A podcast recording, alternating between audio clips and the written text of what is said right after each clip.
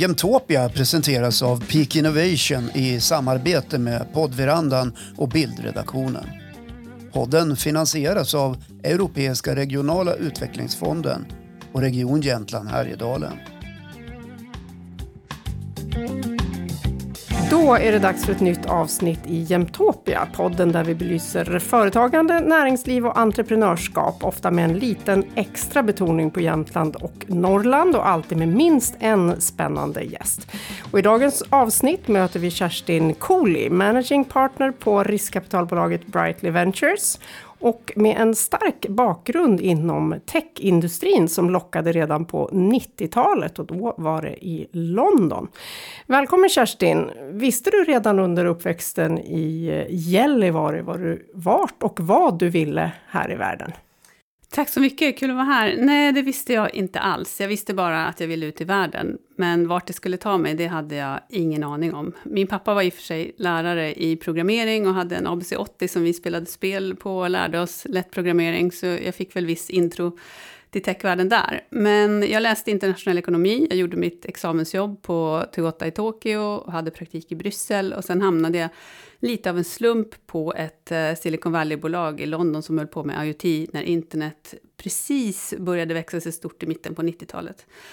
Och den gemensamma nämnaren när det gäller min karriär har nog varit att jag har varit nyfiken och öppen för nya utmaningar och vågat ta chanser när de har uppenbarat sig. Jag, är, jag har liksom en opportunistisk inställning snarare än en väl uttänkt plan och det har funkat väldigt bra för mig. Ja, det verkar som att det funkar verkligen. Men du längtade också ut i världen känns det som. Du var nyfiken. Jag tänker från Gällivare till alla de här platserna ute i världen. Vad var det som lockade? Men det var nog en dels en inspiration från mina föräldrar som uh, inte kom från Gällivare och som släpade med oss på diverse resor uh, runt om i världen väldigt tidigt. Och de var lärare, så de var lediga hela somrarna. Så vi, uh, vi var i princip inte i Gällivare på somrarna, då var vi någon annanstans. Så, så, det var såklart en stor drivkraft. Och Nej, men intresset, för jag är, jag är nyfiken på världen, jag har intresse, det här hela teknologi. Jag hamnade ju då i en, jag hade skrivit min uppsats på Mac i universitetslabbet och så kom jag in på ett företag, um, det här Silicon Valley-bolaget, som låg så, i så framkant teknologiskt och fick umgås med människor i en industri som var under extremt snabb tillväxt. För det, här, det var ju många fysiska innovationer som såg dagens ljus då. Bärbara datorer blev verkligen mm. bärbara. DVD, nu pratar vi 90-tal, ja, början på 90-talet. Ja, mm. DVD-formatet kom och MP3-spelare och mobiltelefonerna som ju hade varit liksom stora saker som man bar in i bilen blev mindre och mindre för varje år. Men också mjukvara och underliggande teknologier som som kom att förändra världen totalt, som webbrowsern, Mosaic, när den kom, eller, eller Linux som växte sig så stort för att folk kunde dela information på internet. Så att, att vara i den miljön var otroligt tillfredsställande. Mm. Mm. Väldigt framåtlutad miljö kan jag tänka mig. Men det känns i mitt huvud, nu kanske jag är fördomsfull, men i mitt huvud känns det som att techvärlden då, om vi säger tidigt 90-tal, kanske var ganska macho, alltså inte så många kvinnor Eh, är det en fördom eller stämmer det? Jag upplevde inte att techvärlden var macho, inte alls på samma sätt som bankvärlden, eh, där jag senare hamnade. Visst, det jobbade mest män på techbolagen, eh, men Silicon Valley kändes som att eh, det var mycket av en vetenskaps och ingenjörskultur. Och väldigt platta organisationer och respekt för att upptäckter kan komma lite varstans ifrån. I arbetslivet har jag faktiskt upplevt mest utanförskap som kvinna i Sverige, hur konstigt den låter. Och jag tror inte att det fanns en mall på de här bolagen som jag jobbade på för hur man skulle vara. Det är lite det positiva med smältdegar som USA och London. Att det är en sån heterogen grupp av människor. Så att eh, både vad gäller färg, religion, bakgrund och ursprung, det finns en mycket större acceptans för olikhet. Mm. Vi backar tillbaka då. Du säger att du upp, upp, upplevde mer i Sverige. Kan du berätta lite mer om det? Vad, vad är det du har upplevt då? Ja, men det är väldigt intressant tycker jag att man i Sverige som ju ligger så långt fram eh, jämställdhetsmässigt. Det är unikt att ha en föräldraledighet som delas av båda parterna. Det är anhörd av. Liksom I USA är det fortfarande så att, att du oftast väljer mellan karriär eh, och, och, barn. Eller att, ja, liksom att det, det, det, det, där har du ju inte ens en månad eller två föräldraledighet oavsett om du är man eller kvinna. Eh, men att vi trots allt har så få, till exempel börsbolag som är ledda av kvinnor, eller att styrelserepresentationen där det faktiskt börjar hända lite, men där det fortfarande är väldigt ojämlikt. Eh, jag, jag har inget bra svar på varför det är så, men, eh, men det, det är någon, någonting som gör att, att kvinnor inte kommer fram på samma sätt. Mm. Här i Sverige har ju du bland annat då haft investeringsbolaget More med inriktning på techbolag och nu då Brightly Ventures. Eh, vi ska återkomma lite till det här med jämställdheten snart, men jag tänkte först, eh, vi vill höra lite om Brightly. Vilka är ni och vad, vad gör ni? Vi är ett litet riskkapitalbolag som investerar i bolags tidiga skeden. Eh, vi investerar bara i teknologibolag och i den nuvarande fonden primärt i Sverige, men över ett brett spektrum av olika sektorer. Allt från artificiell intelligens till hälsa till nya medier, för att nämna några. Vi investerar typiskt sett 5 till 15 miljoner kronor i um, första investering och sen tar vi en aktiv roll för att hjälpa bolaget så mycket vi kan och bygga en bra plattform för att senare resa mer kapital från större investerare längre fram. Och för att intressera er då, vad är, vad är grundkraven? Vad, vad lockar er till investering? Egentligen är det bara tre saker som är viktigt för oss, eller viktigast ska jag säga. Det är en tillräckligt bra idé, en tillräckligt stor marknad och ett fantastiskt team som kan bygga ett riktigt framgångsrikt bolag av det hela. Entreprenören är det absolut viktigaste och det som avgör om bolaget kommer lyckas eller inte. Mm. Och vad ska han, hon ha för egenskaper då? Ja, det är en bra fråga. Jag, eh, jag beundrar entreprenörer för att de som är framgångsrika, de är lite av superhjältar. Det är så, de måste ha så väldigt många olika egenskaper och behärska så, så mycket. De måste um, ha en otroligt stark tro på det de gör, de måste vara förändringsbenägna, de måste kunna tänka strategiskt, men också ta väldigt snabba beslut när saker och ting händer. De måste kunna entusiasmera och locka till sig andra människor som är minst lika bra som de själva. Och så ska de göra allt det här själva i princip och jobba extremt mycket under en väldigt lång tid. Men storytelling är något som är eh, väldigt viktigt. Det låter ytligt, men, men eh, att kunna sälja in bolaget både till eh, kunder, till investerare, till anställda, till framförallt tidigt i skedet när du inte har råd att betala folk kanske som är eh, av en viss kaliber, så måste du få med de människorna och de ska tro på din idé lika mycket som dig själv. Mm. Ja, det är fantastiska människor och entreprenörer. Ofta blir man ju inspirerad själv också när man, när man träffar dem. Så jag kan tänka mig att ditt jobb är väldigt roligt eh, på så vis. Eh, om jag har läst på rätt så har ni just nu 21 bolag i, i er nya fond. Eh, vill du berätta om, om något av bolagen som du brinner för? Jag vet att du brinner för alla och det är svårt att peka ut något. Men bara för att exemplifiera vad som, vad som finns just nu. Absolut, de är ju som små bebisar, så att det går inte att välja bort någon. Men ett av våra, en av våra senaste investeringar är ett bolag som heter Phoenix. De har tagit sig an en bransch som har sett likadan ut väldigt länge, som har ett naturligt inflöde av kunder eh, som måste köpa tjänsten och där det egentligen inte finns någon transparens eller för den delen konkurrens eh, när, när det gäller, och det är begravningar. Men förutom att hantera själva begravningen, som ju är en engångsföreteelse, så har det här bolaget tagit ett större angrepps, angreppssätt med hela end of life-planeringen. Det vill säga att tidigt börja ta hand om och se över hur man vill ha det när livet tar slut och inte bara lämna allting i knät på sina efterlevande. Och de har etablerat en jättefin position i Sverige, de har lanserat i UK där de går in i väldigt många städer samtidigt.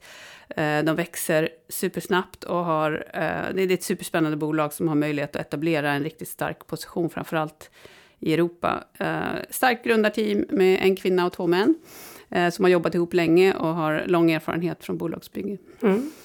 Fenix var det, ja. Jag vet. Sen, ja, förlåt, du nej, men Jag kan till. exemplifiera med ett annat. Det är World Favor som också, det är ett mixat team. Det är en kvinnlig och en manlig entreprenör eh, som gör en digital hållbarhetsplattform där företag kan samla in information och hålla koll på sina leverantörers håll, hållbarhetsstatus och hur de lever upp till att vara hållbara. Och för publika och listade bolag så, så har pressen varit hög på att ta fram ESG-data. Men för olistade och onoterade privata bolag så har det inte funnits samma lagkrav att rapportera. Så det är svårt och dyrt och krångligt att, att uppskatta hur en underleverantör till exempel lever upp till ESG. Och med World Favor så skapas det då en transparens som aldrig har funnits förr. Det är en ny typ av data där bolagen själva rapporterar in äkta ESG-data, kallar de det. Mm. Och det här bolaget växer också väldigt snabbt. De har 22 000 bolag eh, i sitt nätverk just nu och dubblar omsättningen varje år. Och det är en väldigt spännande möjlighet just nu med EUs taxonomi eh, och inte minst konsument och ägartryck att bolag ska rapportera ESG-data. Och så är det kul med ett svenskt bolag som har förståelse för, för vart det är på väg eh, och har en lösning för det och liksom går i bräschen. Det mm. tycker jag är spännande. Mm. Två väldigt konkreta bolag, kul att höra. Eh, vilka trender ser du just nu då inom eh, ja, men, eh, uppstartsbolag?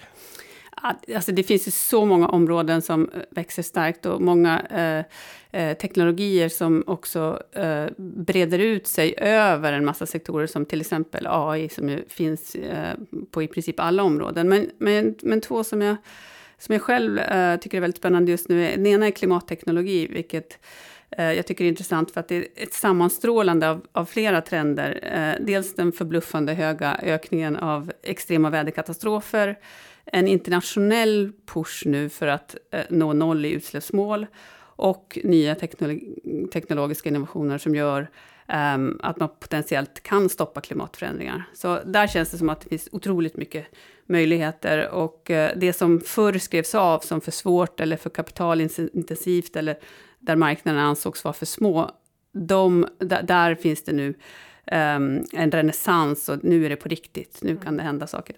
En annan är, är, den transformationen som hälsa genomgår och där är jag extra exalterad över data och vad vi kan göra med den. För nu kostnaden för sensorer uh, för till exempel biospårning kommer att fortsätta droppa så att vi alla kan samla in data om eh, stora mängder data från våra kroppar och, och, som gör att vi kan övervaka vår hälsa. Och, och kombinerar man det då med geninformation och, och gendata så kan man skapa helt nya och till exempel anpassade mediciner baserat på en persons data. Och det kommer skapa supermycket möjligheter på en rad nya områden. Mm. Jag ser hur entusiastisk du är över det här. Jag önskar att radiolyssnarna också kunde, kunde se hur du brinner för det här. Vad är roligast med ditt jobb skulle du säga? Nej, men det är en ynnest att varje dag få uh, träffa och umgås och hänga med människor som är så otroligt smarta och har satsat allt på någonting som de brinner för. För alla de entreprenörerna gör stora eftergifter för att, att uh, att eh, realisera sina innovationer. Det är just att hela tiden få vara i framkanten av uh, nya idéer och, och, ny teknologi, det är superspännande. Och Bli inspirerad själv. På Brightly har ni fått eh, mycket uppmärksamhet, dels för att ni själva då som partners är jämställda, det är två kvinnor och två män som, som äger Brightly, men också för att ni har spridit er geografiskt då i era investeringar och även i er mångfald. Hur känns det? Vi visste inte när vi drog igång själva, eh, jag och Katja. Eh, men, så, men så vitt vi vet så är vi den första eh, VC-firman i Sverige som är grundad av, av, av eh, enbart kvinnor. Och jag tror en av de första i Europa. Eh, det var rätt sällsynt för tio år sedan.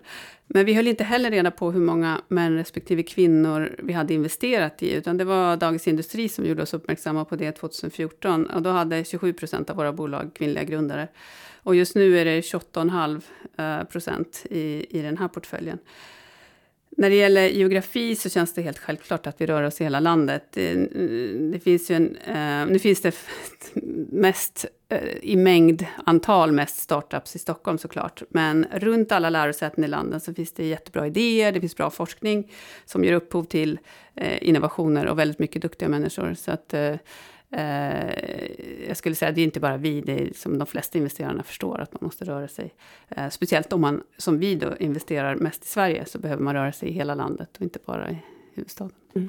Men ni, var ju då, ni har då en hög andel kvinnliga entreprenörer hos er i 28 procent och då är det ändå inte så högt. Vad, vad, vad beror det på att techindustrin mm, liksom fortfarande harvar lite med flest eh, flest manliga entreprenörer? Men dels um, är det ju så att det fortfarande... Många av de här teknologibolagen är startade av programmerare och det finns färre antal kvinnliga programmerare än manliga. Uh, det är ju en liksom, reell orsak. Um, sen är det ju så att VC-bolag, uh, eh, den typen av bolag som VC ska investera i, det är enormt snabbväxande bolag. Uh, och uh, de, vi är inte intresserade av bolag som Eh, där man kanske har, eh, skapar en, en, stabil tillväxt med en låg men väldigt stabil vinst över tiden. Det är inte ett sånt typ av bolag som VC investerar i. Men, och det kanske är så att det är kvinnor, det ska jag låta osant, men det kan ju vara så att kvinnor startar en annan typ av bolag, inte, inte just uh, den typen som VC är intresserad av. Men sen tror jag, det finns ju såklart, det finns forskning som visar att uh, det selekteras ut mer män än kvinnor på pitchstadiet redan. Um, och det eh, beror på hur man ställer frågor till exempel till eh, bolagen och också hur vi som investerare tolkar svaren. Mm, kan du ge exempel um, på? Ja, men det, det, man, det kallas i forskarvärlden um, preventiv, kvinnor får preventiva frågor och uh, män får promotionfrågor. Så att man, man ställer frågor av en viss karaktär till män jämfört med kvinnor. Och, det, och sen så tolkar man, så, så att till exempel um, om en kvinna eh, där, där en man anses vara aggressiv men lovande, så, så är kvinnan entusiastisk men svag. Så, så du tolkar det, det, svaret som, även om de ger exakt samma svar, så tolkas svaret olika beroende på om du är en man eller en kvinna. Och det där är väldigt intressant, för att det är oavsett om investeraren är en man eller en kvinna så tolkas det på samma sätt. Så det är inte så att det bara är män som sitter och, och, och, och så här. Och, um, ett annat exempel är att män anses vara unga och lovande medan kvinnor unga och oerfarna. Så att det är liksom, du lägger olika vikt vid samma typ av Mm. Hur gör ni då för att jobba runt det? För ni vill ju hitta fler kvinnliga entreprenörer har jag förstått. Vi, vi gör egentligen inga kioskvältande aktiviteter. Eh, vi har en, eh, en viss kvinnobias i att vi tar nästan alla möten med kvinnliga grundare eftersom att vi får så mycket färre av dem i vårt dealflow. Eh, sen är vi mentorer i olika forum. Vi är med och försöker inspirera unga kvinnor i olika sammanhang. Och så försöker vi tänka såklart på det här med frågorna. Att, eh, att man är medveten om hur man intervjuar och hur man tolkar en viss person. Mm. Du sa till mig också att ni alltid, eh, dels som du sa nu, att ni alltid tackar ja till en, ett möte med en kvinnlig entreprenör, men också att ni alltid bokar in ett till möte. Ja, precis. Alltså det, det, men, och det gör vi um, faktiskt inte bara med kvinnor, men uh, det, det, är lätt att avspisa folk i ett möte. Och uh, det, uh, det är oftast bra att få... Och också att vi försöker träffa flera personer från firman. och det uppmuntrar vi bolag till också, att man, man gärna går ett par personer på ett pitchmöte. Mm. för att det ger en, en mycket större bredd förståelse för vilka bolaget är. Vad är lönsamheten med mångfald skulle du säga? Det kanske är en så självklar fråga, men det skulle vara spännande ändå att höra ditt svar på det. Alltså, dels finns det forskning som visar att kvinnor, eh, eller bolag med jämställda, eh, jämställd fördelning mellan man och kvinnor är mer lönsamma. Eh, men jag tror att det är lönsamt ur ett, bland annat ur ett kundperspektiv. Att man en homogen, det behöver inte bara vara män och kvinnor, men också ursprung. Um, ett bolag som har uh, en jämn fördelning av olika typer av människor har en bättre förståelse för vad kunden vill ha och hur man behandlar kunden och uh, i slutändan levererar den absolut bästa tjänsten. Det tror jag är en stor del. Eh, om vi vänder oss till Norrland lite då. Är det speciellt tror du att vara entreprenör i, i de norra delarna av Sverige? Jag har faktiskt inte varit entreprenör själv i Norrland. Men jag tror egentligen inte att det är så stor skillnad i det större perspektivet. Nu för tiden eh, är ju många bolag digitala och distribuerade. De kan ju sitta, vi har bolag som inte alls sitter på samma ställe. De har tio personer i fem olika länder. Eh, och du kan rekrytera från vilken del av världen du vill. Så den lokala platsens betydelse försvinner mer och mer. Men det är klart att det finns färre affärsänglar i Norrland. Det finns mindre lokalt kapital för att komma igång. Men sannolikt också mindre konkurrens om eh, duktiga människor att anställa. Eh, det är svårare kanske för norrlänning att komma och bryta sig in i etablerade nätverk i Stockholm om man inte känner någon. Men å andra sidan så krävs det eh, mycket jävlar anamma och, och oräddhet att ta sig från ett litet samhälle i Norrland till storstaden, så man har ett försprång redan där. Mm. Vad hoppas du på med samarbetet med Peak eh, Jämtland? Jag hoppas på att hitta riktigt vassa entreprenörer med bra idéer som kan bli del av vår portfölj i framtiden. Och jag hoppas också att kunna bidra med något råd eller en hjälpande hand till de bolag som Peak har valt ut och satsat på. Uh, inkubatorer och acceleratorer generellt är en utmärkt källa till dealflow för oss. Vi samarbetar med, uh, Eh, eller har kontakt med de allra flesta i Sverige, från Lund till Luleå. Det, det är ett perfekt sätt för oss att få ett första urval. Uh, Peak har ett upptagningsområde som vi inte riktigt täcker på annat sätt. Och, och, personligen så gör jag gärna lite extra för Norrland, givet mitt ursprung. Och jag tycker också att det är kul för att Peak har tagit um, in en hel del klimatrelaterade bolag i den här senaste omgången. Och det känns ju spännande givet att jag tycker att det är ett område som växer fram starkt. Mm. Du, vi ska börja avrunda här, men jag undrar bara vad, vad, skulle du själv säga att du har för drivkraft då, som har tagit dig från Gällivare, där du visserligen reste mycket redan som barn, men nu faktiskt eh, till en position som maktfaktor inom techvärlden? Det är en bra fråga. Jag, som jag sa, jag tror dels att det är en inspiration av mina föräldrar att upptäcka världen och se nya saker och en nyfikenhet att, att hela tiden vilja driva framåt. Eh, jag drivs av att göra roliga saker. Jag är ganska otålig och blir lätt uttråkad av att göra samma saker om och om igen. Och på så sätt så passar den här förmånen att få grotta ner sig i nya bolag hela tiden. Det passar mig som hand i handske. Mm.